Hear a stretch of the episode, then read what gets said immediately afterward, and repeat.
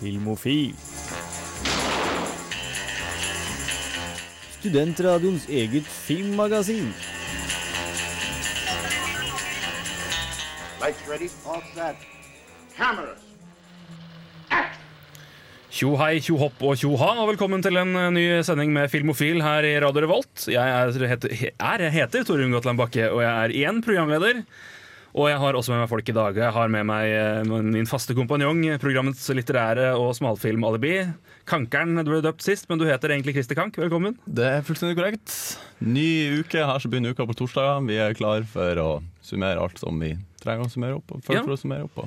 Og vi er jo si, alene av den faste gjengen. Derfor har vi henta inn en liten eh, Ja, du er jo egentlig med oss eh, på teknikerrommet, men nå skal du få lov til å prate òg. Henrik Ilden Ringen, velkommen Endelig. hit. endelig Velkommen. Er du, er du psyched for å snakke film? Jeg er ekstremt psyched, om ikke forberedt. Nei, men det, det holder bedre, det. Altså. Heller, heller at du er psyched enn forberedt. Det Litt, uh, Det blir, uh, i, i, det blir psych, psych spesialsending i dag, Ja. rett og slett. det er litt sånn på stående fot i dag. Vi, fikk jo, vi, fant, vi kom jo på at vi er egentlig alene sånn en time før, så vi har satt opp og skal kjøre litt vårt eget løp i dag. Og det håper vi blir bra. blir- vi, vi tror det blir bra. rett og slett. Det blir jo selvfølgelig legendarisk. Selvfølgelig blir Altså det det. legend, wait for it. Liksom. Ja, ja, ja, ikke sant. Vi er der.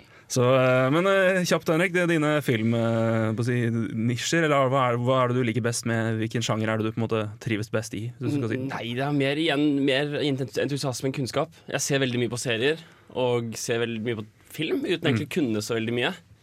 Uh, jeg, det er egentlig veldig greit. Det jeg, er, jeg må ærlig si at jeg har sett hovedsakelig filmene dere har anbefalt uh, i, det, i, det, i, det, i det, det siste halvåret, type, type Before Sunset og Men da er det jo definitivt, eh, Ja, ja, ja. innafor. På riktig Sånn vei. Ja, ja, Er du gal? Ja, men jeg er veldig fan av det å på en måte snakke som fan, ikke som viteren. Ja, som Og, ja. Mm. Vi skal jo være et tilgjengelig og jovialt program ja, Ja, først. det er student, studentradioen. Lett tilgjengelig. lett tilgjengelig. Åpenhet er vel det vi går for her, rett og slett. Og demokrati. Demokrati. Ja, vel, demokratiet. Vi skal eh, snart kjøre i gang med noen nyheter, men før det så skal vi få litt musikk. Dette er eh, You're an Animal fra Death by Ungabunga.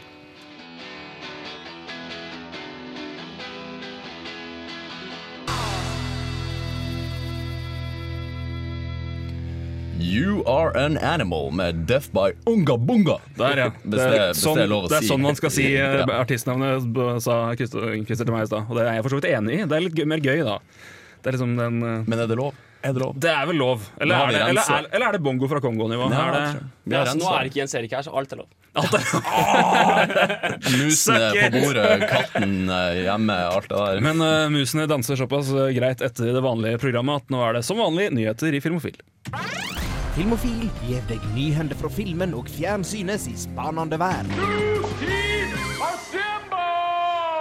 Da har nyhetsmannen ropt, og da skal vi begynne med første nyhet. eh, Christer, du har eh, masse på lager, tror jeg. Jeg tror det, ja. Vi har bare raska sammen. Siden vi eh, er få i studio i dag, så bare tar vi og plukker fritt og boltrer oss i det som finnes i verden. Ja. Total, total utfoldelse. Jeg har lyst til å begynne litt sånn, starte litt ut litt sånn tørt og seriøst. Det er lov, det. Det er veldig lov. Eh, men tørt og seriøst endog. Veldig fint å se på kommer det til å bli. For Jennifer Lawrence skal spille eh, en hovedrolle snart. Som vi, jo, Oh. som vi kjenner fra The Hunger Games. Og Hunger Games Og Silver Linings Playbook også.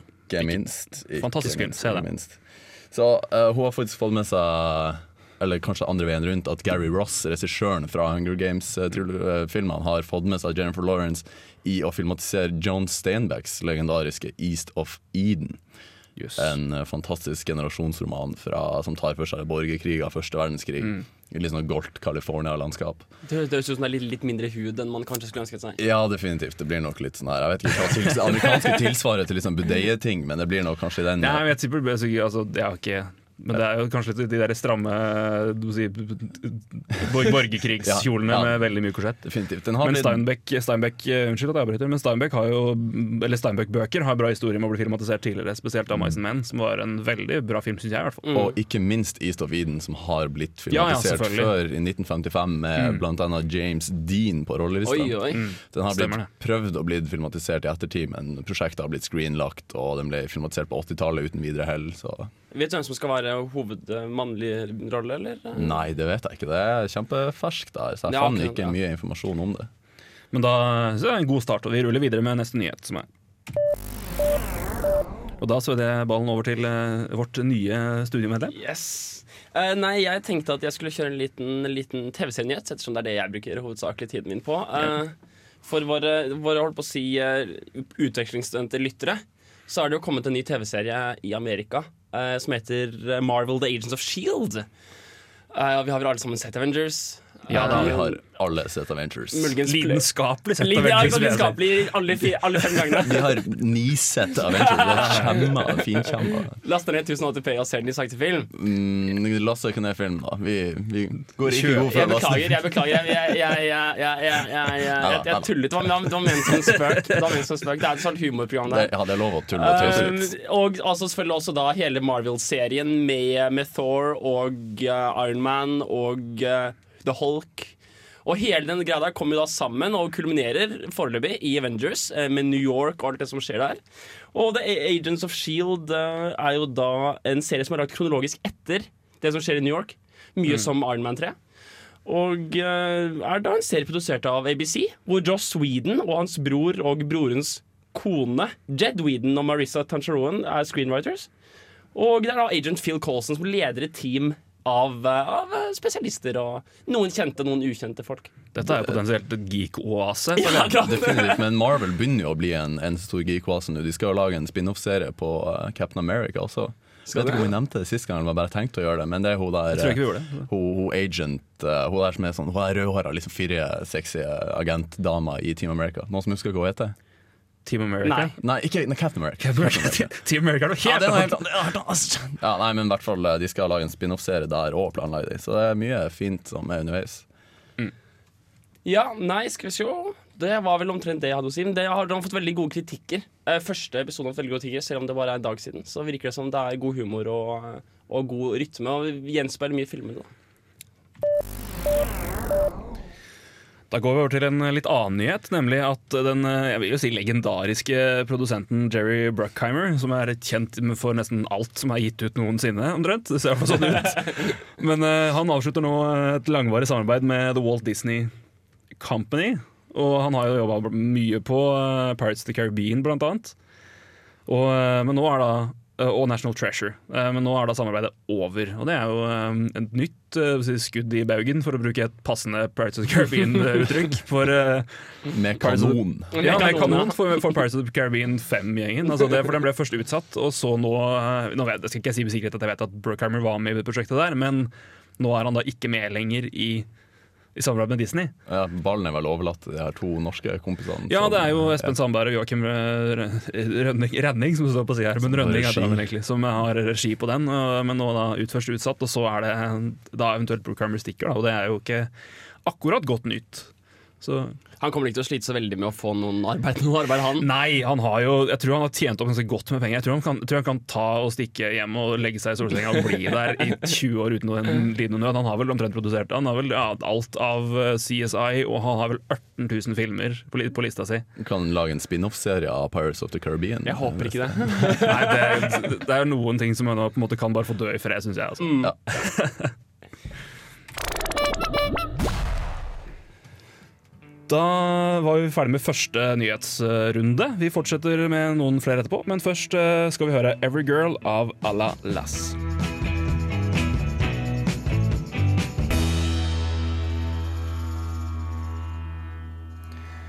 Det var uh, Alla Lass med 'Every Girl'. Som, eh, Mm, Må arrestere deg på det. Jeg tror det uttales Allah. Allah, Lass. Så du tror det er en sånn politisk eh, pønn? Eller noe Ja, sånt? Det skrives Allah. Jeg går for at det er et, eh, en, måte å si ananas en alternativ måte å si ananas på. Ananas. Ok. Nok tøys, vi skal ha litt mer nyheter. Filmofil gir deg nyhender fra filmen og fjernsynets i spanende verden. Vi er i god stream å kjøre sequel-nyheter eh, her i Filmofil, så jeg syns vi skal følge opp med å ha en ny kjempe-sequel-nyhet nå. Ja, rett og slett. For de av oss som er store Jet Daniels-fans og store Jim Carrey-fans, så skal det nevnes at det er 20-årsjubileum for Dum og dummere. Woohoo! Og hvordan, hva er den beste måten å feire det på? Jeg er å lage en ny. Det er å lage en ny. Det er rett og slett å lage en ny For noen, noen dager siden så lastet, uh, lastet uh, Jeff Daniels opp på sin Twitter-side eller et eller annet et bilde av han og Jim Carrey i character. Med nydelige frisyrer som Ja, vanlig. Og, Og manglende tenner. Og Ja, ja, ja. Og, og smilet og, og, og energien. Og du, du, får, du får lyst jeg, jeg løp rett hjem og så en av mine.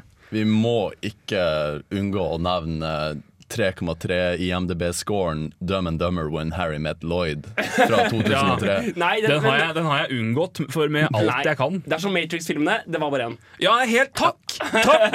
takk. Rett og slett. Det Det er her mest- blir Matrix spesial Ja. eh, på to timer om eh, noen sendinger. Ja, men det, er ikke, det er ikke noe diskusjon. To, to og tre er ikke verdt å se. Se eneren. Det er en fantastisk film som står fint alene. Jeg er litt usikker om det er lov til å referere til to og tre i hodet. I hvert fall Jeff Daniels, som da nylig vant en eh, Emmy for sin rolle i The Newsroom. Og jeg er vel antageligvis representanten av Aaron Sorkin-fanklubben. Få han ned av pidestallen og inn i den gode, gamle Ja. ja, ja, ja. Ja. Nei, men så det, det blir en Dum dummere 2. Den er i production nå. Jeg er bitte litt usikker på når den kommer ut, men det kan vi komme tilbake til vårt uh, deilige publikum med. Men vi kan bare glede oss. Det En, ja, kan desto vi. mer. Ja. Ja, Christer? Ja. Spiller jo selvsagt videre på min eh, forfina litterære kompetanse her. Kontrast! Kontrast, men, eh, bøker. men eh, det er jo på ingen måte en forfina bok jeg skal Nei, det tror jeg det refereres til. Dette er den boka da, som typografisk følger en bæsj gjennom hele boka. Da. Veldig spennende lesning. Det handler, om en, det handler delvis om en Er, du, er det noe du har hørt på Dragvoll? Jeg. Nei, noe jeg har drevet og bladd i sjøl. En veldig fin bok. Wow. Jeg snakker om boka Filth, som eh, han Irvin Welsh har skrevet. Irvin Welsh kjenner kanskje noen fra Trainspotting, Ja. Mm, ja, ja. som ble en uh, veldig god film. Og det er igjen det her skotske eh, filmindustrien som skal filmatisere denne boka. Uh, det er han James McCoy som skal James McVoy, ja. James McVoy. En soft O. Som vi kjenner fra Band of Brothers. og ikke en fatwa. Som Fatwa. Fatwa. James Fatwa. James Fatwa. Vi kjenner han fra Band of Brothers, vi kjenner han fra Wanted, som ikke var fullt så Vi kjenner, han ikke fra, vi kjenner han ikke fra Wanted. Nei. Nei, vi kjenner han ikke. fra Wanted. Uh, men altså X-Men og Last King Ja. of Scotland. Og uh, en film som jeg vet uh, var en stor inspirasjon til en langvarig diskusjon og krig blant to av våre redaksjonsmedlemmer, nemlig Yes. Trans-filmen, som tror jeg ødela forholdet mellom Jens Erik og eh, kleine Camilla i Ja, som et ukevis. Ja, ja, altså, som et generasjonsskifte her, så kan jo vi på en måte ta den på nytt. Og vi kan Jeg har, jeg har heldigvis ikke sett den. Så ja, okay. ok, kan kan se den, med nå skal vi ta kollektivt hate den og bare Ja. legge det, legge det til ro. Men det vi skal se, og den neste diskusjonen blir jo når da Filth kommer ut rett rundt svingen. Denne filmen om denne forfylla detektiven, og som også følger, i hvert fall i boka, ringormen som ligger i tarmen hans og lager kvalm. Så hvordan de løser det her filmteknisk, vet jeg ikke, men jeg har sett traileren, og den ser helt vanvittig ut. Ja, så det, er, det, er, det er ikke 'Reisen til Garnestein 3', liksom? Ja, jo, det, det er noe sånn her. Sjekk den ut. Ja, vi skal runde av med en liten gladnyhet. Det er vel lov å kalle det det, er det ikke det? For det er eh, nemlig sånn at uh, det har eh, gått en filmpris til Norge, faktisk. Og det er på den gjeve festivalen Fantastic Fest i Texas, som er en sjanger, sjangerfestival. Ja, ja. Nemlig den gjeve, prisen Beste skuespiller har gått til Detective Downs-skuespiller. Svein André Hofsø. Jeg har ikke sett den, jeg. Nei, nei, den, den, kommer ut, den kommer ut om en måned på kino i Norge, og den her får rett og slett altså den, vi, vi pratet om den før en sending for et par uker siden, og den, eh, at det her kan da ikke være seriøst, og sånn, men det, jeg har lest den elementen, og det er, den får faktisk veldig bra skuespill rundt om i verden. Elijah Wood er kjempefan, blant annet. Den går rett og slett sin seiersgang. eh, Ja, den gjør det. Globen rundt. Og han er han, han og da denne altså Svein André Hofsø, som har Downs syndrom, og spiller da detektiven som har Downs syndrom. Der er navnet Detektiv Downs. Passende nok. Passende nok. Eh, han òg får kjempe altså Han får pris her, og de er veldig De var veldig imponert over. Og det, så dette er og et ganske spennende. Så gått fra liksom å være sånn med skrekk på blanda fryd, liksom gleder jeg meg til å se den, så er jeg veldig seriøst psyched, og jeg gleder meg. Jeg tror den er kjempekul.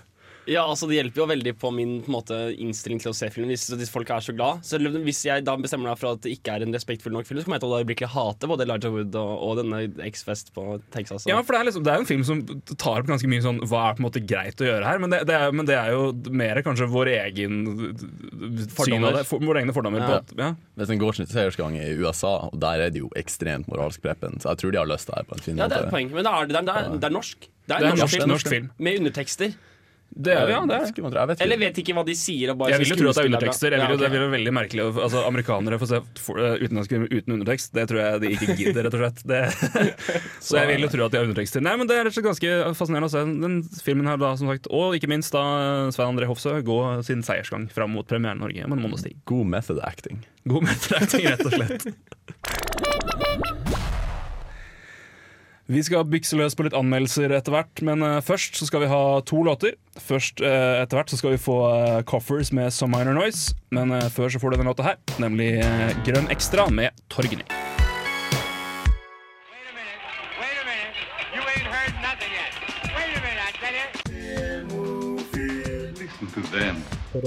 a minute.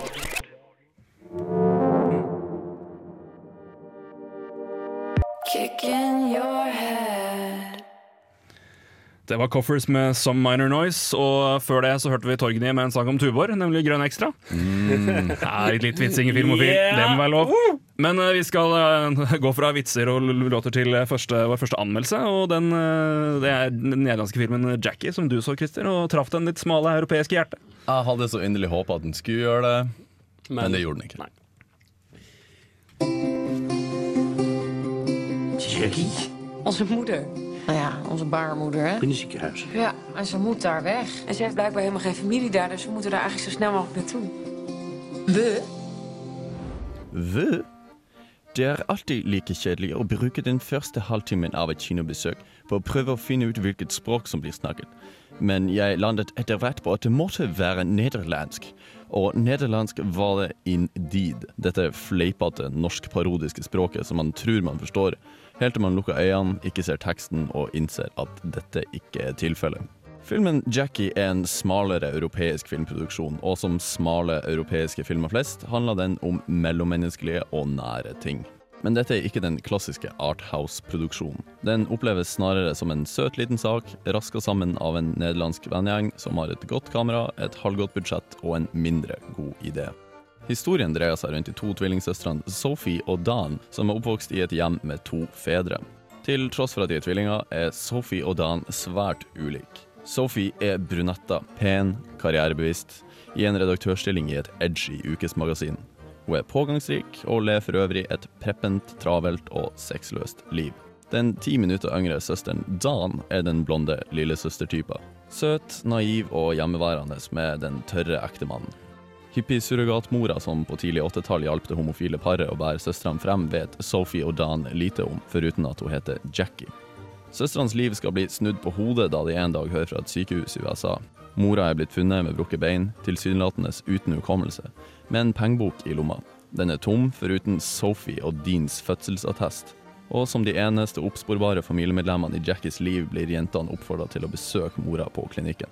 Etter smått om og men bestemmer jentene seg for å dra, og eventyret begynner.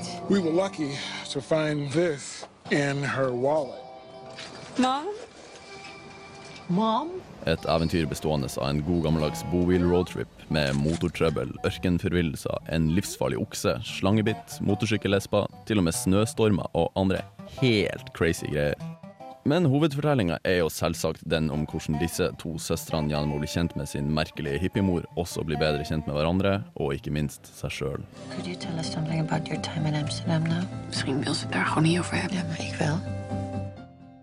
En av de fine tingene man får med på kjøpet hva det fremmede nederlandske språket angår, er det at det er vanskelig å se om filmen er godt eller dårlig spilt. Jeg vet ikke om filmteamet trodde de hadde oppfunnet det melodramatiske kruttet på nytt, men bare for å ha det klart, det har de absolutt ikke gjort.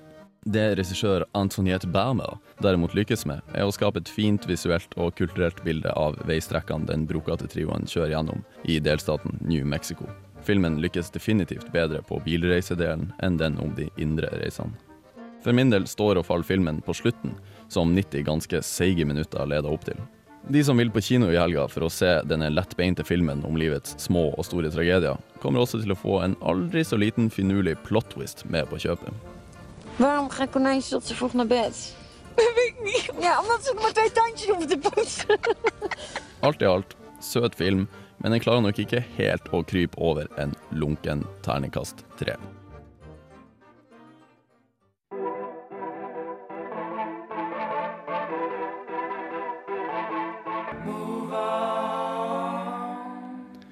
She Will Never Shiver med Broen, en låt som minte meg i hvert fall veldig om uh, One Way Street med Euroboys. En gammel sommerhit fra 2000. Jeg vet ikke om dere hørte det? Jørgen? Når du sa det, så. Ja, artig. Look it up. Men eh, nok om uh, låter som ligner på andre. Og tilbake til det vi skal snakke om her, nemlig film. Og, Og filmer som ligner på andre. og filmer som ligner på andre. Det er altså et godt poeng. Som bringer oss til den du, filmen du så, nemlig nederlandske Jackie. Må arrestere på den. Det er nok Jackie. Det, er Jackie, ja, okay. det var eh, Amerikansk, dårlig, ja. språkhumor, rett og slett. Eh, Men eh, Jackie et en, forsøk. Vær et forsøk. Takk for det. Men terningkast tre. Ja. Et rimelig vanlig, men ganske spennende terningkast vi om her. At det er Det er spennende fordi det er det kjedeligste av alle Ja, det er altså, det, er så, det er så utrolig nøytralt. Ja, du har ikke giddet å ta deg bryet med å hate den eller elske den? liksom Nei. Det er bare sånn der Men er det, er det på en måte det verste? For altså, da, da er det, da, Ja. den, den fremprovoserer på en måte ikke hat. Den Nei. bare, du blir sånn Du kan ikke prate om det heller. Hvilken film så du? Ah, jeg husker ikke. Nei, ikke sant? For hvis det er dårlige, dårlige filmer husker du. Altså, hvis det er Nei, sånn, ja, den ikke var så dårlig, Jeg husker, hater den husker du. så sterkt. Men, men det, det her er litt morsomt, da for det- nå snakker vi jo litt sånn om sjanger òg. Ja, Det absolutt. her er jo den her, det her havner jo midt på det jevne når det kommer til det her litt sånn Midt på den stammen til det smale Smal- europeiske treet. sma, smale europeiske treet, den, smale, den smale stammen. Mm. Uh, men hvis en sånn actionfilm Hvis den er helt jævlig kjip, så det er fortsatt en actionfilm. Ja. Du får jo fortsatt stimulert den her eksplosjonene, du kan Akkurat. gjerne flire at den er litt kjedelig og kjip. Og, Og så one-liner er en egen type humor. ja, absolutt. Mm. Komedie og humorfilm fortsatt. Ja, han, Nå Jens- vi det siste, at det kanskje ikke alltid er tilfellet at de dårlige på en måte er ok, men actionfilmer kjøper jeg veldig. Actionfilm, absolutt. Ja. Ja, ja, men det her er sånn her Hvis en, hvis en europeisk smalfilm er terningkast 1-2, så er det bare helt totalt Det er for jævlig, liksom. Ja, det er drit. Ja. Men det er veldig sjeldent at de er det. Det, er liksom, de legger seg på en sånn veldig sånn safe, midt på treaktig linje. Den, Mm. Det var rett det som summerte opp filmen. Var bare De klarte aldri å gjøre det spennende. Så. Vil du foretrekke at, eh, at en sånn europeisk film tar en sjanse? Hvis du sier at de fleste av dem legger seg liksom litt midt på treet, vil du foretrekke at de prøver å gå litt ut på grenen om du vil? Jo, Eller får du ikke de til Ofte, ofte det som er litt sånn greia de, de prøver, Denne filmen her de prøvde liksom å estetisere litt det her med hvordan det er å vokse opp i et hjem med to homofile fedre istedenfor en mor. og alt sånne ting. Så de, de måtte prøve å ta med litt ned sånne edgy europeiske problemstillinger som kanskje skal slå litt an. Og så i og med at de flytta mye handling over til USA, og så er det tydelig at de prøvde å appellere litt til amerikanske Mm. Men det er liksom funka ikke. Det var liksom, de prøvde å gå litt ut der og skape sånn interessant dynamikk. Det var liksom på en måte ingenting du ikke har sett før. Men hva er det som redder den fra å bli en, en helt katastrofe-smalfilm? det står og faller på slutten for min del. Ja. Som jeg sa. Men Ja. det, var, det var litt sånn plot twist på slutten som utfordra det her moralske og sånn til en viss grad. Gjorde det litt sånn Litt morsom. Sånn, litt sånn, sånn søt. Den var søt, den var ikke morsom, den var ikke utfordrende, den var bare søt. Ja, Ja, det er artig. Det også, sånn, det er jo på en måte beste anmeldelsen du kan gi. At det egentlig, men slutten som redder den. Det. Det, det, det, har, det kan du liksom ikke si noe om. Nei. Det er Nysgjerrigheten trigges der, altså. Ja. Men, hva er det, men uh, jeg er inne på at det er jo, sånn- det er filmer som det, det er jo mye likt det, innenfor denne sjangeren her. Det sa du i hvert fall. Eh, Er det noen andre, altså, hva er det, Hvilke filmer er det de på en måte forsøker å være? Jeg legger seg i den europeiske tradisjonsfilmen. Ja, Tyskerne er jævla gode på å lage sånn her type film. Så det er veldig mye som er verdt å sjekke ut. Jeg, jeg syns jo Goodbye Lenin Hvis man ja, snakker, er Ja.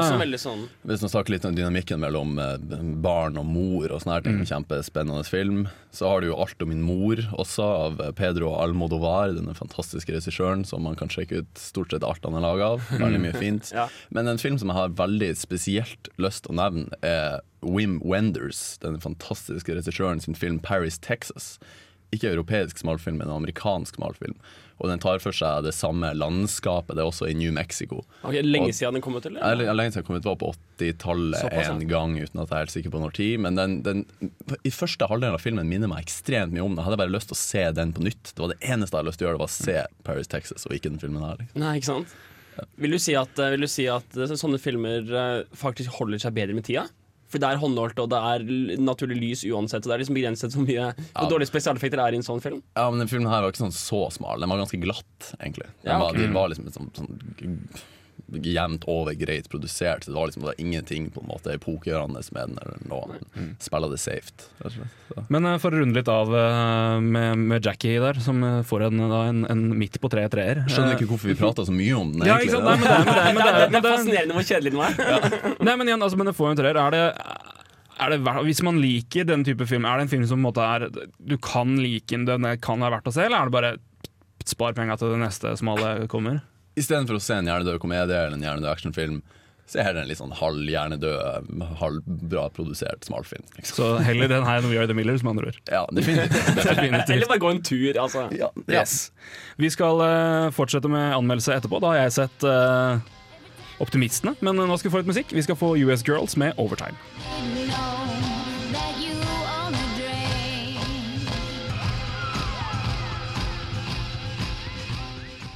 Roads? Where we're going, we don't need roads. Du hører på Filmofil på Radio Revolt. Og du hørte Overtime med US Girls på Radio Revolt. Og før det så hørte vi eh, anmeldelsen og praten om eh, Jackie, som fikk en treer. Nå skal vi videre til eh, en ny ja, anmeldelse. Vi skal fall snakke om filmen 'Optimistene', en norsk dokumentarfilm om et volleyballag fra Hamar. Kanskje ikke akkurat det som trigger mest interesse der ute, men jeg må si herregud så trivelig og bra og koselig den filmen var. Ja. Det handler da rett og slett om Jeg skal bare finne mine notater her. Det, må Det er volleyball. Det er Volleyball! volleyball. Det er rett og slett om, uh, Filmen handler om et volleyballag ved navn Optimistene, derfor heter filmen det. Uh, fra Hamar.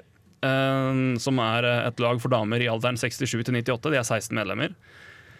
Og de har spilt sammen da i laget har eksistert i rundt 40 år. Såpass. 40 år. Eh, og de har et, tror det er at de aldri har spilt De har bare møtes, møtes sammen og trener sammen og har et fellesskap. og... eh, og trener sammen og, har, ja, og bare er aktive. Og så eh, Det er altså mange med flere som er over 75, enn som er under. Så altså, det er mange eldre der. Men de var i 30-åra når de starta ut, da? Noen 30-40 Jeg årene, det, er, det, er vel, det er vel noen som har altså Det har kommet og gått litt. Det er en, en gyllen sekvens i filmen hvor hun er, hvor hun da er en av de som du følger blir, blir, blir, blir bedre kjent med lillemor, som heter, som er da 89. Skal da rydde gjennom huset og finner avisutklipp hvor hun finner at det er tiårsjubileet, og så går jeg gjennom liksom, ja, halvparten av laget er ja, hun er død av kreft, hun døde av kreft, hun døde av kreft, hun døde av demens, hun døde av kreft, og hun slutta fordi hun ikke tålte å tape. Så du får litt sånn, det er sånn fine sånn spor til, liksom, til det med dø- som dødelighet og det at folk forsvinner rundt deg. Ja, altså livsgladheten, ja.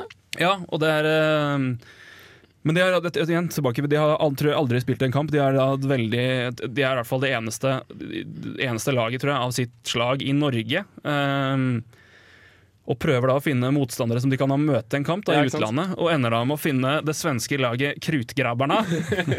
som er da et lag fra, fra Sollentuna, som ligger rett utenfor Stockholm. Uh, som er i alderen 60 til 90. Ja, ikke sant. Og det er da filmen da vi forsøker å få i gang kampen her og få til penger så de kan dra over. Og når det faller på plass, så er det da altså, trening mot der, og de får hjelp av forbundet som kommer og hjelper dem med trening. Og, um, og som alt det der, og de på en måte da begynner de å se ordentlig på regler for første gang. Og de har for eksempel, så er de, de som styrelaget der er sånn at de er på en måte veldig imot det at det skal bokses, at man på en måte slår med knyttnevene. Så er det Så de har en sånn, nei, de har, det er, jo, det er lov Og i reglene, lov. men de har liksom ikke hatt, liksom, de har liksom nekta det før for å få spill, så de har en sånn bokseboks. så de som bokser, må betale en tier hver gang. Det er sånn, sånne småting som dukker opp der. Men, øh, men samtidig så er det da at du kommer til å bli kjent med forskjellige folk, spesielt da hun som er eldst, som er 98 år, som heter Goro. Som Goro er- eller Guro? Goro. Og du kommer litt tett inn på de noen på hun, da, og som sagt, da nevnte Lillemor på 89, og et par andre, hvor du da blir litt bedre kjent med de, og du får liksom litt mer av spora der, så hvor du da får litt mer den personlige eh, vinkelen av det å, bli, av å være gammel. Da. For eksempel hun som prater om at nei, hun har fått kua kreft. Bare nevner det tilfeldigvis midtveis i en, på et sånt legebesøk. Da. Oi. Så du vet ikke om hun har nettopp har fått eller har hatt det lenge. Nei, nei. Og, og hvor, om det kommer til å drepe henne, eller en av de andre Ja, så sier det ja, men så sier Eller det om det er volleyballen som kommer til å ta Ja, ja, Nei, det nei, er litt spennende Lårhalsen, lårhalsen er jo kjempefarlig. altså. Nei, men du prater blant annet det at hun vil jo, jeg vil jo gjerne dø i senga mi. Liksom. Altså, jeg håper inderlig at jeg vil ikke at det er kreften som skal ta livet av meg. Jeg er 98 år, er sprek som bare det. Du sier jo at jeg er dårligst på laget, men eldst, og de lar meg det ikke gå fint. Men hun har vært, hun har vært med alltid. Da. Men du får sånne ting som at hun eh, styrer med det, og hun lillemor da, som da har bodd i samme huset i 40 år, hun og mannen må nå flytte, for de er for gamle, det huset er for stort. De flytter da rett over gårdsplassen til et annet hus, der hvor Ja, ja. sønnen eller dattera med familien bor. Mindre trapper og sånn. Men bare sånne ting, at du får liksom mer Du får den hverdagslige biten, men samtidig så er det, det er ikke Jeg så i hvert fall et par anmeldere som har savna litt mer det blir, nei, nei, nei, men litt, litt mer Du blir litt mer kjent med sjøle personene, men samtidig så er det Det handler veldig mye om gruppedynamikken og det fellesskapet de har, da. Som var veldig, veldig rørende. Og det mm, noe som også er veldig veldig bra, som regissøren skal ha mye kred for. Husker jeg ikke navnet nå, selvfølgelig, det skal jeg notert ned. men at de, Hun er veldig god til å komme tett innpå i selve spillinga. Du ser idrettsgleden der, spesielt i den kampen mot det svenske laget. Det er en sånn det var så rørende for meg som er kjempesportsinteressert, og som da er om, det er omringa av eh, idrettsprofiler med lønn og sponsorer og image som på en måte, hvor du på en måte savner som på en måte blir illsinte av andreplass, og som ikke prater med noen og bare går liksom helt til kjelleren. Og her er det en harmoni og stor glede over å ha ett poeng.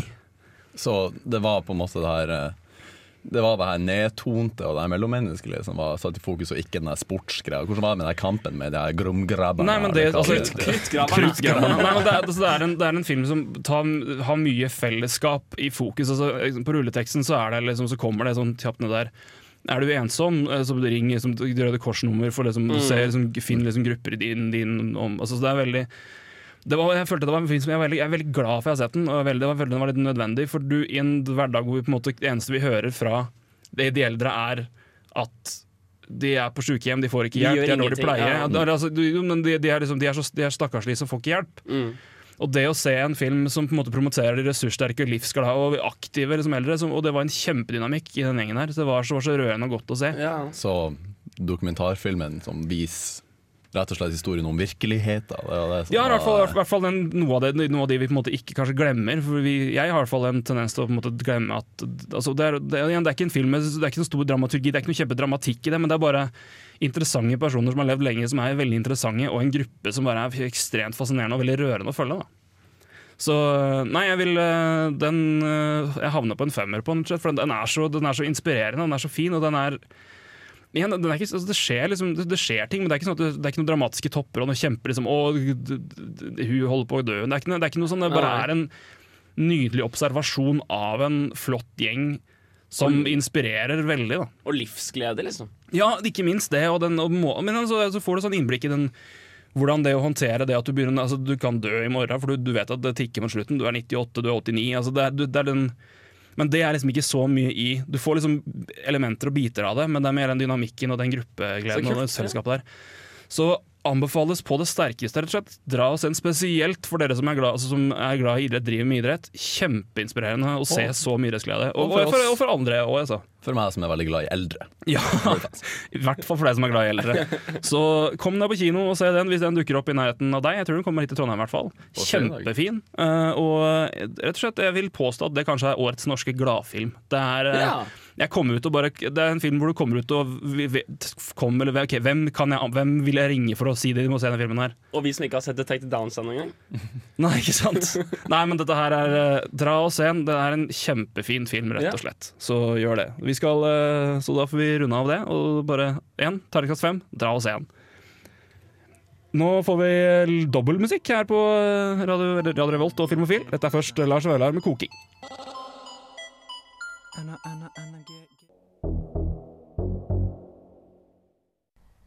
Hei, dette er Nikolai Kleve Broch. Eh, Jeg vil bare si, hør på Filmofil, så får du med deg mye bra stoff om film.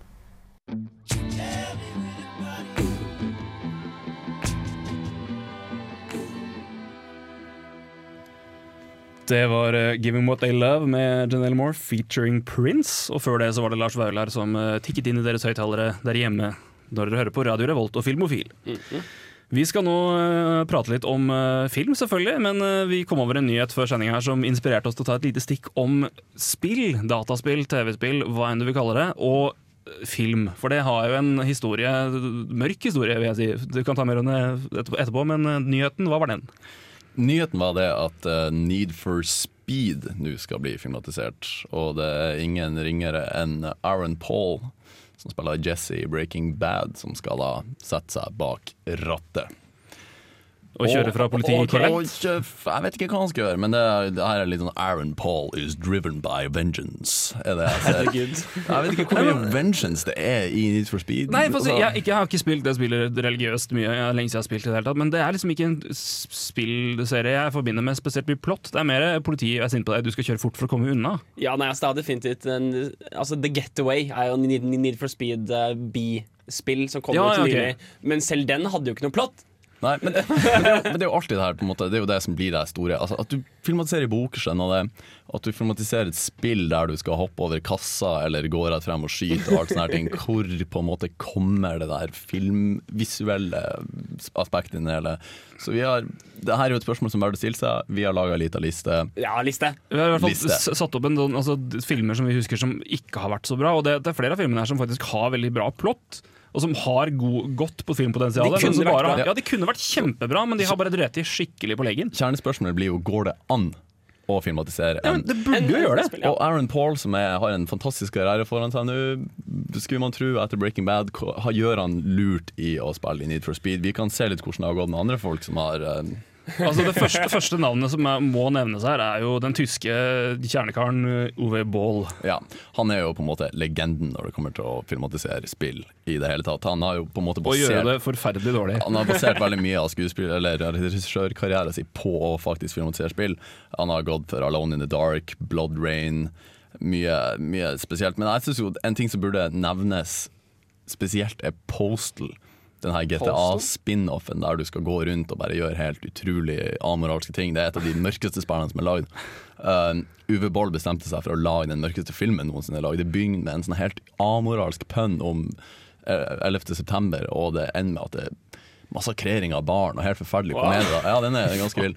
Men fansen er jo så sint, altså spillfans er jo så sint på Uwe Boll at de Det var på et internettforum der de sa liksom at fuck Uwe Boll og alt Ja. der. Så sier han OK, Betal hvis, du, meg. hvis dere er så sint, ta og møt meg i ringen. Boksekamp. Det, de, det de ikke visste, er at han Uwe Boll er proffbokser. En Altså, tysk pensjonert Ja. proffbokser. Han- Det ligger YouTube-sekvenser der han Uwe Boll banker dritten ut av sånne kvisete videogame-fans. Absolutt verdt å få med seg. Men han har også fått altså, betal, altså, Hvis dere ikke vil at jeg skal regissere, så betal, be, altså, betaler meg for det, så skal jeg ikke gjøre det. Tror jeg mener jeg også han har gjort Men han har jo altså, han har mange svin på skogen. Han har ikke minst Super Mario Brothers-filmen. Nei, det er ikke han som har den. Er det ikke han som har den? Nei, den er, det var 80-tallsfilmatisering. Ganske gammel greie. Eh, Nå blander, ja, det, Ja. blander jeg. Men han har Siren til og men- Resident Evil. Ja, Med tanke på skuespillere, vi nevnte jo det her litt om han Aaron Paul gjør lurt i å, å gå opp denne veien her.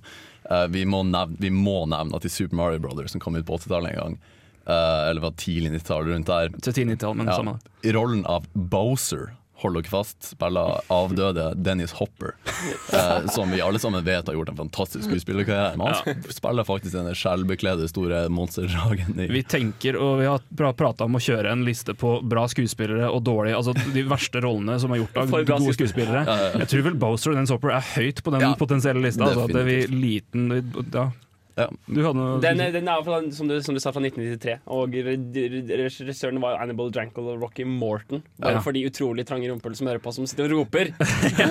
Dere vet ingenting! Nei, ikke sant. Men så Jeg beklager den feilen her. Jeg husker jeg feil. Men jeg kan jo nevne at det er en av de mest kjente spillsidene mm, som jeg vet i hvert fall, som heter gametrailers.com. Veldig anerkjent og bra mm. spillside. Har ofte topp ti-kåringer på beste spill og osv. De har også hatt topp ti verste eh, film, altså game movies. Hvor de har et eget sånt Ove Ball-stamp på alle filmer som er Ove Ball-regissert. Og han har seks eller fem filmer inne på den topp ti-lista. 10-lista. Ja. Men jeg må, jo, bare- jeg må jo personlig nevne min, mitt favorittspill of all time. eh, I hvert fall når det gjelder story, som jeg syns er helt fantastisk. Eh, Max Payne kom kommet i 2000 og var veldig revolusjonerende fordi Ja. det tok eh, konseptet bullet time, altså kjent fra Matrix, der hvor ja, Neo eller da Herregud, nå fikk jeg helt Jo, det er Neo, ja. Reeves. Er Reeves, da, som eh, beveger seg veldig sakte. Altså som da i Han- han beveger veldig of- fort. Ja, veldig, ja, veldig, veldig fort, men da som er slåa ned. Mm. Og det konseptet var med der. Men en fantastisk bra historie som driver det, og veldig, veldig bra. Og den ble filmatisert i 2008. Uh, ble regissert av John Moore, og med da Mark Wahlberg, som jeg er veldig glad i. Jeg syns Mark Wahlberg er veldig ok. Og i hovedrollen. Og Olga Korolenko som kvinnen. Ja, Ja, herregud. Og, og Mila Kunis, faktisk. Ja, og Mila Kunis! Men- Og kan, kan, kan vi gå så langt som å si at Hva gikk galt? Jeg har aldri følt meg så voldtatt noensinne Ja, men av en film. Kan vi si at det var begynnelsen av Mila Kunis sin greie med å være en litt sånn kul badass? Hva? Nei! Jo, for hun var litt sånn halvkul. Hun hadde russiske store Hun er Ja, men det, greit, men det var jo en forferdelig film. Nei! Ikke noe var bra med filmen. De hadde tatt hele plottet, som er kjempebra, og de bare hadde massakrert det ned til sånn psycho Altså, det er dop som driver den, altså, det er noen dop som driver den, men det var på en helt annen måte. De, du hadde tatt, fa- tatt for andre bad guys og gjort om historien helt. Det var, det om. Det var bare ingenting som stemte lenger. Det var faktisk- helt for jeg jævlig. Faktisk, fun fact, jeg anmeldte faktisk den filmen for ja? et ungdomsmagasin ungdomsmagasin i Bodø da, i min tid, og jeg satt og kjeda ræva av meg gjennom hele filmen. Det var sånn, jeg hadde faktisk anmelderblikket på den nå, jeg ga den en toer. Altså, Det skal sies at det har blitt laget en god Max Payne-film. Den ble riktignok laget før spillet kom ut. da Det var Payback. Året var 1999. Det er Mel Gibson i hovedrollen. Og det er tre-fire ting som er det samme. Én, han er ute etter revenge. Han er på, han er på hevnjakt. To, det narrateres med en mørk stemme over som prater om uh, I was uh, The, the, the, the pills weren't working as they should. Ja, men han, New York, han the som voicer. Max Payne, han er også Ja. helt fantastisk. Det Ja, og, og det, er, så det er payback. Det er en scene hvor han hopper sidelengs med dual berettas. Og, ja, ja, og han har på seg skinnjakke, og det er Mel Gibson. Det, det, det Payback er Max Payne-filmen som aldri ble laget. Den skal jeg hjem og se, rett og slett. Men vi, eh, vi må begynne å runde av. Vi kan, dette kan vi prate om i en time. Vi er, Ja, ja. Men for å få litt uh, progresjon for dere som hører på, så må vi ta det. Men igjen jeg skjønner, jo ikke, jeg skjønner jo ikke hvorfor det skal være så vanskelig, spesielt når, film, når spill sjøl har blitt så gode til å, narratere og lage god plott. Ja. Altså Eksempelvis GTA 5 har nettopp, nettopp kommet ut. Med en evne til å fortelle historier, Ja. med historier og GTA 4 før det òg, og mange andre. Som er, altså, de, Heavy Rain? Ja, ja, med altså, historier som er så ekstremt gode. Det blir minifilmer. Altså, du Mm. spiller det minst like mye for å vite hva som skjer videre. Det må da være mulig å ta med det fra spilldesken til kinoreitet uten å måtte røre på så forbanna mye. Eller Mm. kanskje moralen din her kan være Hold dere til spill, de som lager spill. Hold dere til film, de som lager film. Der. Det kan være. Vi får lage en kollaborasjon mellom gutta guttene og jenta i uh, Kontroll Alt Elite og bare prate om det her igjen. Ja, Vi må lage en dual-sending på dette. For dette er, eh, vi må ta det, vi må, da må vi prate mer om føler jeg, for her har vi mye å si. Men uh, vi må runde av det, for det, nå må vi kan ikke prate for mye om det heller. Det skal vel sies at Resident Evil Resident Evil var faktisk en kul actionserie. De første én-to filmene. Jeg synes det var kult, det! Åh, det der- den det- scenen med de jeg tror- laserne som gikk gjennom la- gangen. Jeg tror det var den verste Jeg tror det, Den toppa kåringa av verste filmer. Vi skal bevege oss fra spill til eh, ny låt. Dette her er Fla Flatbush Zombies, faktisk, med The Drug Parade.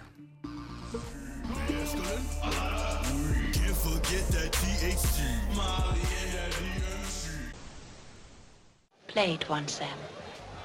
Det er jo alltid å ha musikk når den er påtent. Helst noe indisk eller pakistansk. Ukas filmlåt. Ukas filmlåt eh, nå, altså. Før det så var det Drug Parade med Flatbush Zombies eh, featuring Danny Brown. Det måtte jeg jo selvfølgelig si. Og eh, vi skal ha en filmmusikk nå, eller filmlåt nå.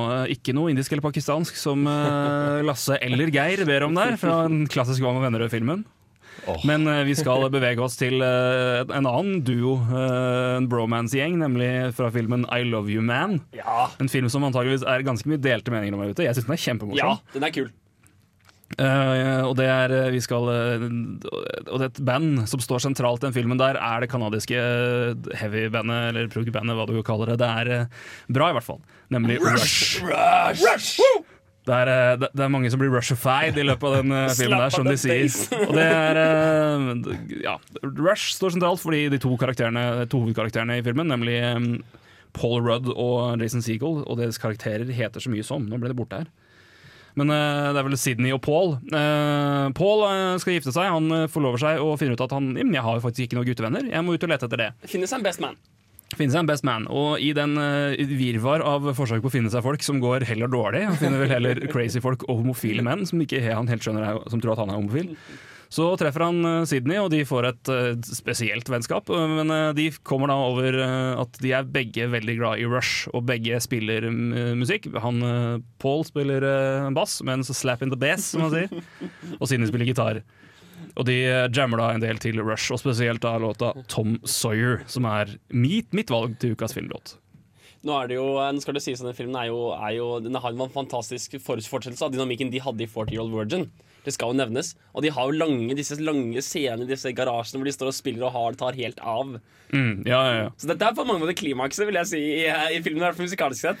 Ja, altså det er jo en, eh, en av de fremste, om ikke den fremste, i bromance-rekka. det er i hvert fall- det en av, de som, er, eh, som vil jeg si, beskriver sjangeren Ja. best. Absolutt. Og eh, Paul Rudd i en jeg vil si strålende rolle til han å være. En, en skikkelig enten-eller-skuespiller for min del, som enten blir for klein eller for ikke funker. Men her er han akkurat Han er helt strålende Ja. lite Altså Han er så klein at det er helt Ja, fordi du likte han kanskje ikke den oppfølgeren til 40 Year Old Virgin? Det har jeg ikke eh, sett. Men eh, ja, det er mer andre filmer hvor han på en måte ikke altså, men Det er kanskje fordi også filmene ikke er så bra. The Ten, for eksempel. Eh, Jeg syns ikke han helt fungerer i Forgetting, Forgetting Sarah Marshall. Også hvorfor også han og Jason Segel spiller sammen. Ja. Men uh, denne filmen her er han helt nydelig klein, og har altså noen måter å kjøre forkortelser og kallenavn på som får Ja, det er det, du, du kjenner det kryper nedover ryggraden, for det er så ille. Ja, men det er men det er så morsomt. Det her er en godfilm, altså. Det er godfilm. Jeg så den i går med min kjære som har bursdag i dag, forresten. Gratulerer med dagen. Gratulerer med dagen. Og uh, hun lo kjempemye, jeg lo kjempemye. Og etterpå så måtte jeg høre på Tom Sawyer og YYZ med Rush, for jeg la meg, for da var jeg Rush-fied sjøl. Så Dere da veldig mye. det er, headbang, det er ikke så mye headbang, det er mer bare nyting av psycho-psykorytmer og insane musikk, muka- musikalske ja, altså, egenskaper. For Rush er, de er teknisk helt sinnssykt gode. Så eh, da skal jeg eh, bringe litt eh, gjøre dere der ute litt Rushified. Vi kjører Tom Sawyer med Rush fra låta Fra filmen, unnskyld, I Love You Man.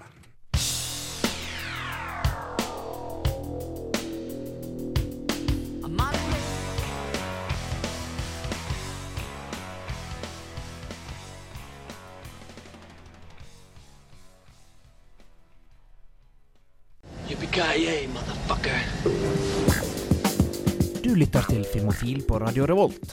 Besøk oss gjerne på våre nettsider på radiorevolt.no filmofil. Der finner du meldinger av kino- og videopremierer, og i tillegg podkast av alle våre sendinger. Har du ris eller ros, tips eller triks, kontakt oss gjerne på elektronisk post. Filmofil, krusedullalfa, radiorevolt.no. to make one sing.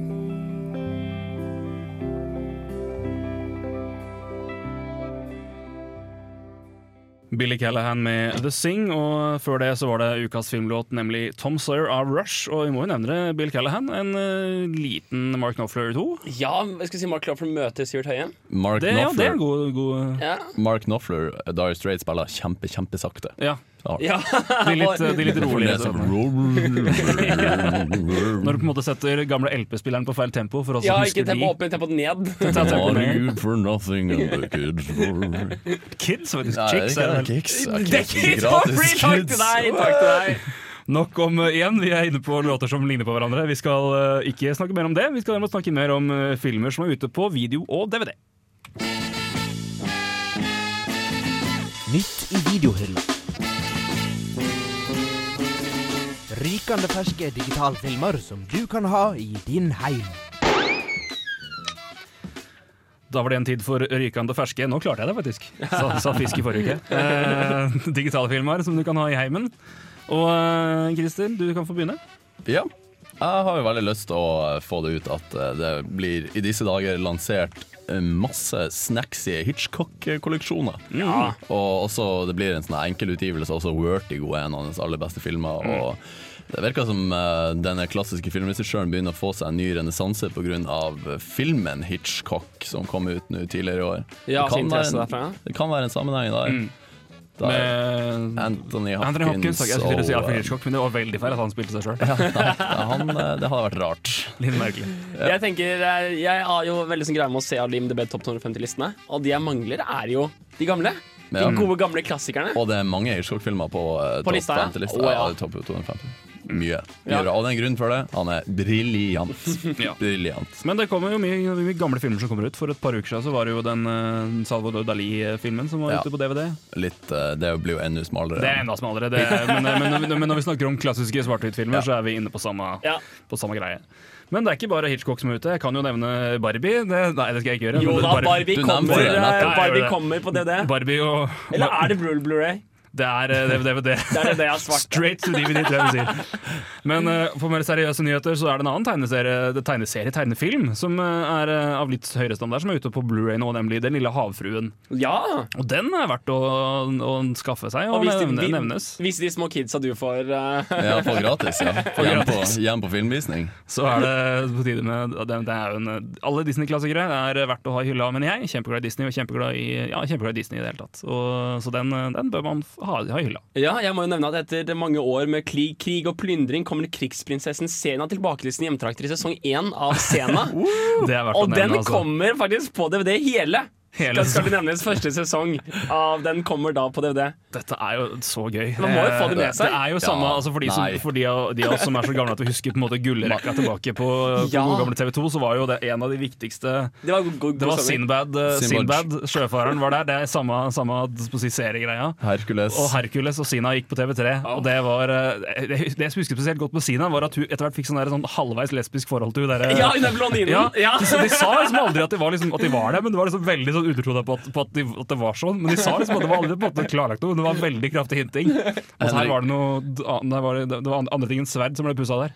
Henrik, jeg må, jeg må, jeg må, jeg må, jeg må arrestere både deg for denne lesbevitsen din, og deg, Henrik, for å si at man må få det her med seg. For man får, må ikke få det med seg. Og relansere det her bare teit, for da, kommer, du- da ser du faktisk hvor dårlig det her faktisk er. Ja, jeg vet. Jeg så på- jeg så Simon Sjøfaren på TV2 Sebra her for bare et par år siden, og jeg bare ble på, Det har tapt seg. Det var, det var når du var barn og ung. Det var dritbra er greier. Det er helt Jeg må nå ærlig talt si at jeg har ikke sett så veldig mye plakater. Jeg tror ikke de legger så veldig mye penger i relanseringsmarketing-campaignen til scenen.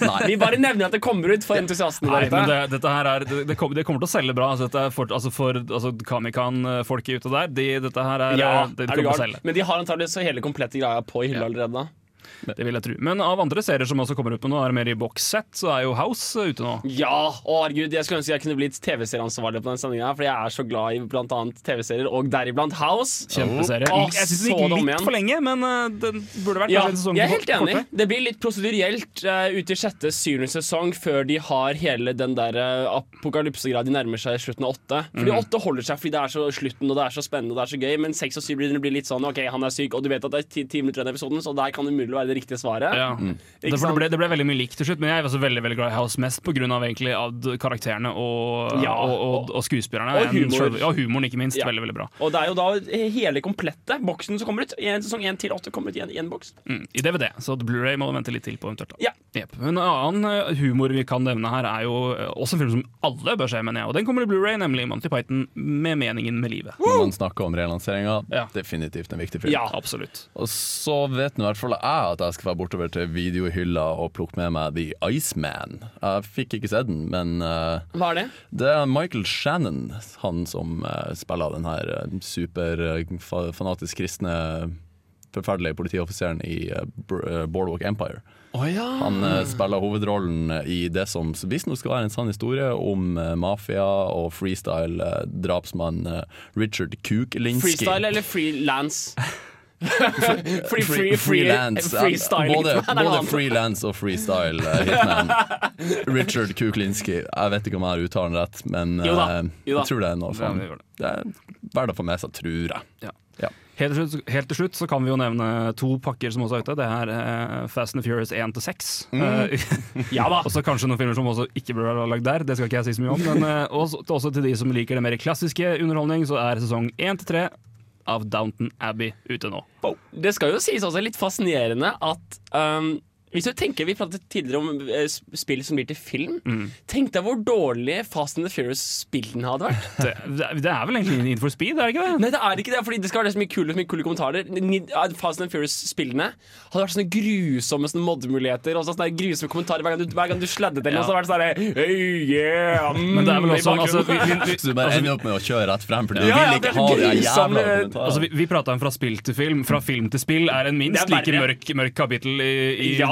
Historien om ting om digital underholdning. Så det kan kontro- kontrollt litt. Stafettpinnen går videre til dere på Ja. den. Det er mye gull å hente der, altså. Vi kaster ballen. Vi kaster ballen. Men eh, vi tror vi kaster ballen ut av eh, filmnyheter-seksjonen nå, for da tror jeg vi har gått inn i det som er verdt å få med seg. Så eh, da tror jeg vi bare går videre til litt mer musikk. Da får vi Rhapsody med Lonely Thoughts featuring en haug med folk, blant annet Chance the Rapper og Big KRIT.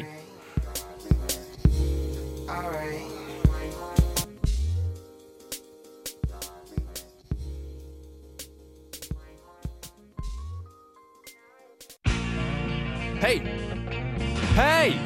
Det er ikke 90s sitcom-flashback. Ta og Skru på noe annet. Ja, bedre, men prøv igjen. Der, ja! Filmofil presenterer ukas serie.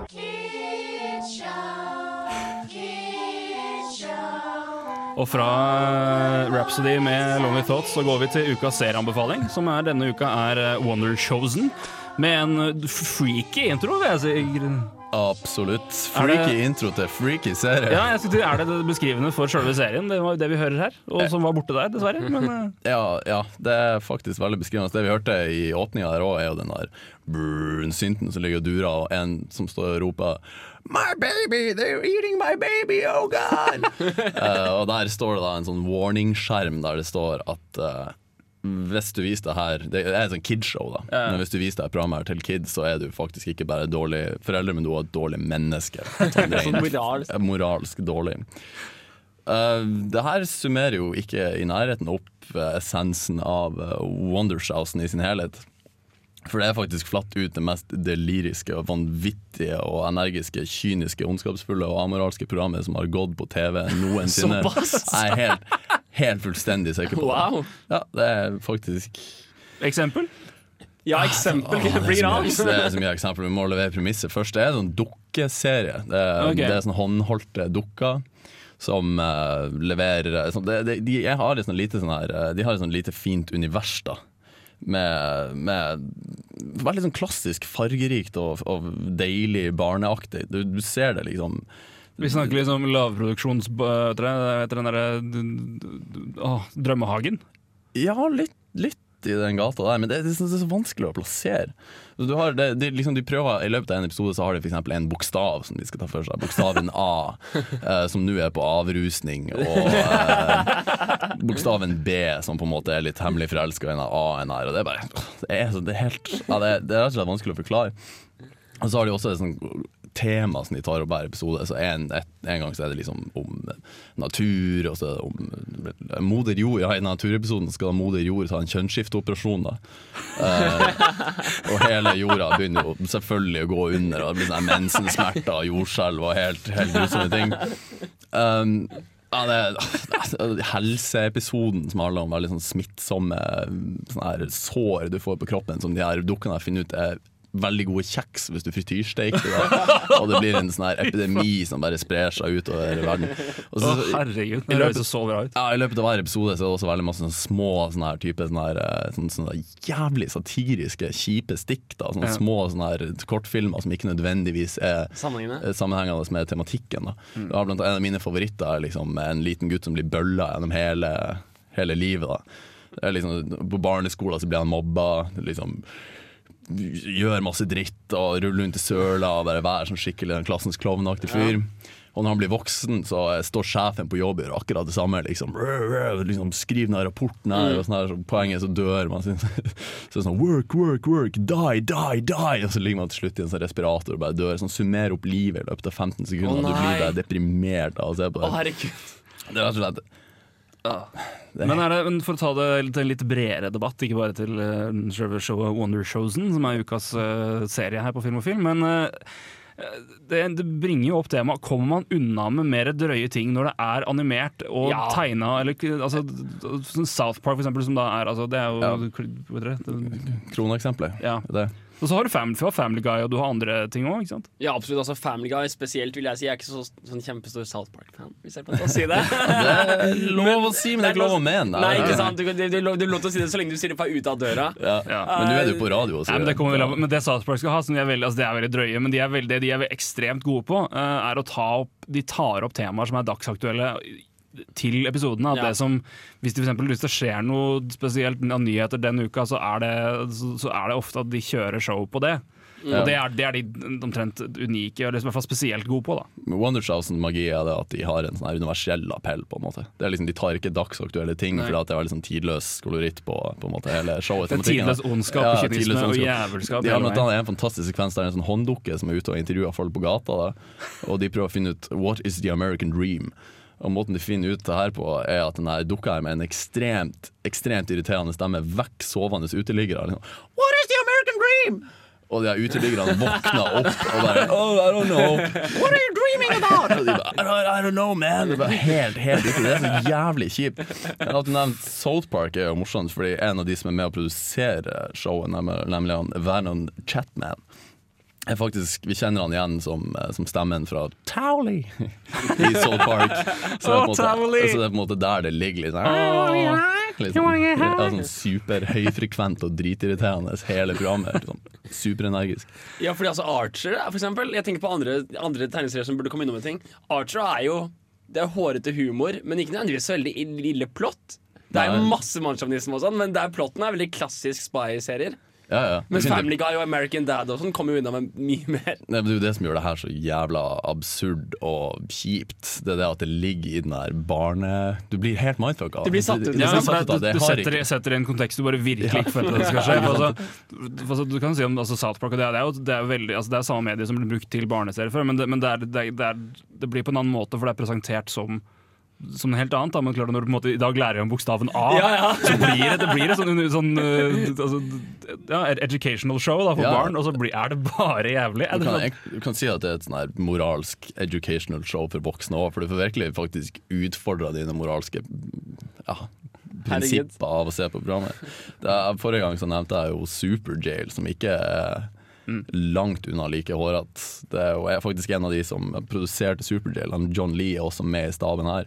Så hun samler på en måte de mest ondskapsfulle sati- satirikerne i USA og bare får de til å mindstorme litt i lag og bare lage den her helt vanvittige serien. Så se den. Ja. Nyt den. Få med dere alt. Det er altfor mange episoder der. Så Men til slutt, er det noe hvis man eh, Kan du gi eksempel, Hvis du liker det her, så vil du antakeligvis like det ting. Altså hvis, de, hvis man liker de og de filmene eller showene, så er eh, hvis du, liker, hvis du liker det her, så vil jeg anbefale dere å ta masse LSD og se på eh, Sesam Stasjon. Jeg tror det er det nærmeste man kommer. Nice. altså. Ja. Det får være dagens uh, narkotiske råd her i Filmofil. Uh, det var ukas serie, Wonder Chosen. Vi eh, begynner å nærme oss slutten i programmet, men vi skal ha litt mer musikk før vi sier uh, farvel og summerer opp etter hvert. Dette her er Refuse to be Saved med Elvis Costello and The Roots.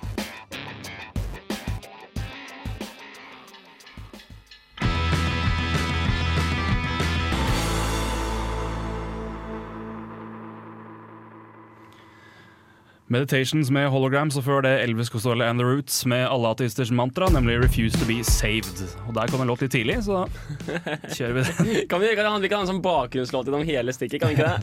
Nei da, ta smellen. Ja, vi, vi, vi dropper den. Dropper det.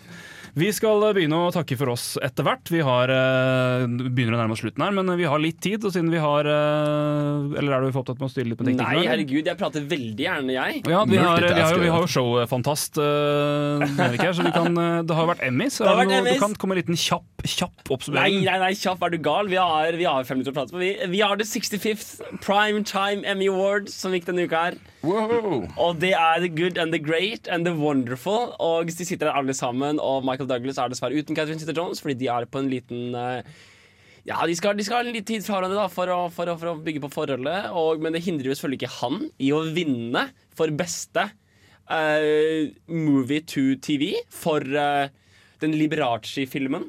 Ah, ja. um, som heter Åh, det var jo utrolig bra at jeg Det er ikke My Life with Liberace. ja. Faen! Nei, faktisk. Det er en HBO-film som heter Behind the Candelabra. Heter Ah, den. ok. Å, ja. My Life with Ok. Liberace er en annen film. Oh, ja, okay. Så den tok Douglas. Er det noen andre som- Å oh, ja, oh, herregud. Eh, Modern Family vinner for Outstanding Comedy Series fra, fra eksempel 30 Rock og Big Bang Theory. Og Girls og Louie. Jeg syns veldig Louis burde vunnet. Mm. Fordi Louis er fantastisk. Uh, Breaking Bad uh, vant Outstanding Drama Series. Selvfølgelig. Uh, og det var da foran Downton Abbey, Game of Thrones, Homeland, House of Card, Mad Men. Alle som man burde se. Man burde gå inn i disse listene her, så burde man se alle disse andre Se på seriene. nominee-lista bare med dem. Absolutt. Kjapt beste skuespillere i eh, Kan vi nevne det kjapt? eller? Beste skuespiller Jim Parsons for Outstanding Lead Actor in a Comedy Series for uh, Big Bang Theory. Outstanding Ah, Lead. Actress in a Comedy Series for kvinne, Julia Louis Dreyfus, som er i Veep, som jeg ikke har sett. Har sett Veep? Nei, jeg kjenner navnet, men jeg klarer ikke å koble. Men uh, sikkert da bra, så det bør man sikkert sjekke ut. Outstanding Lead Actor er selvfølgelig Jeff Daniels for The Newsroom og Aaron Sorkins magi. Og han har selvfølgelig passende nok den beste takketalen. Selvfølgelig. Ja, selvfølgelig. Outstanding Lead Actress in a Drama Series for en kvinne. Uh, actress, det er, så er det det der. Claire Daniels i, som Carrie Matterson i Homeland. Enda en meget varm anbefaling. Um, miniseries og movie uh, The Big Sea Hereafter uh, gir Laura Linney sin første kvinnelige. Og det er vel omtrent det. Ja, det, er verdt å, det står jo ute på nettet hvis man vil sjekke ut mer enn det, men Emmys er jo gjeve saker. Det er jo, eh, vi kan vel kalle det serieindustriens Oscar, hvis vi Ja, det er akkurat, akkurat det der. Akkurat For de som ikke helt vet det. Ikke det. Da må vi begynne å, vi skal begynne å oppsummere litt det vi har snakket om. Vi begynte med litt nyheter. Hva er det dere husker? Vi prata om Jeff Daniels, vi kan jo nevne at han dukker opp eh, snart, forhåpentligvis, i Dumme dummere to. Ja. Som Ja. er en nyhet som gleder alle oss. Forhåpentligvis mange der ute. Det, er gode, go- godt trim på lattermusklene der. Um, Ellers uh, nyheter? Jennifer Lawrence skal spille i uh, East of Eden snart. Det blir Mhm. koselig. Det blir koselig. Uh, det skal uh, James McAvoy skal spille i Filth. Det gleder jeg meg til. Ja. Ny Avenger, ny Marvel-serie. Ja. Og så at uh, Bruckheimer bryter med Disney. Den mannen som har gjort altfor mye altfor lenge. Jerry Bruckheimer. Og vi kan jo også nevne at Detective Downs fikk en uh, pris i, på Fantastic Fest eller, eller, er, Ja. i Texas. Ja. Så veldig veldig gøy. Vi gleder oss til det. Vi har også anmeldt uh, litt filmer. Du så Ja- Jackie. Jackie. Nå starter det med vilje, fordi vi er nærme oss slutten av eh, serien. Så nå får du litt tid til å, til å snakke deg ut av programmet her. det er helt korrekt. Vi er utrolig perfekt på time her. Så vil bare takk for nå, da. Ja, vi må vel kanskje det. Jeg, Nei, det, stemmer, det ikke stemmer ikke med klokka mi. Altså. Stemmer ikke med klokka di. Nei, det ikke det. Har var så fornøyd. Jeg var så fornøyd. Nei, det stemmer ikke med klokka mi i det hele tatt. Vi har to minutter på oss. Så det da har gått dropper så vi den. sømløst så lenge, og så skal vi begynne å rote til i siste sekund. Siste sekund. Men uansett, Jackie fikk en treer. Kan du oppsummere den på kort, kort setning? Terningkast tre. Terningkast tre. det var en kort var en kort setning. Og jeg så sett 'Optimistene', den nye dokumentarfilmen om et volleyballag for eldre damer fra Hamar. Høres ikke så spennende ut, men den er absolutt verdt å se. En terningkast fem for den av meg, og den eh, dra og se den. Den er kjempefin, og absolutt verdt penga.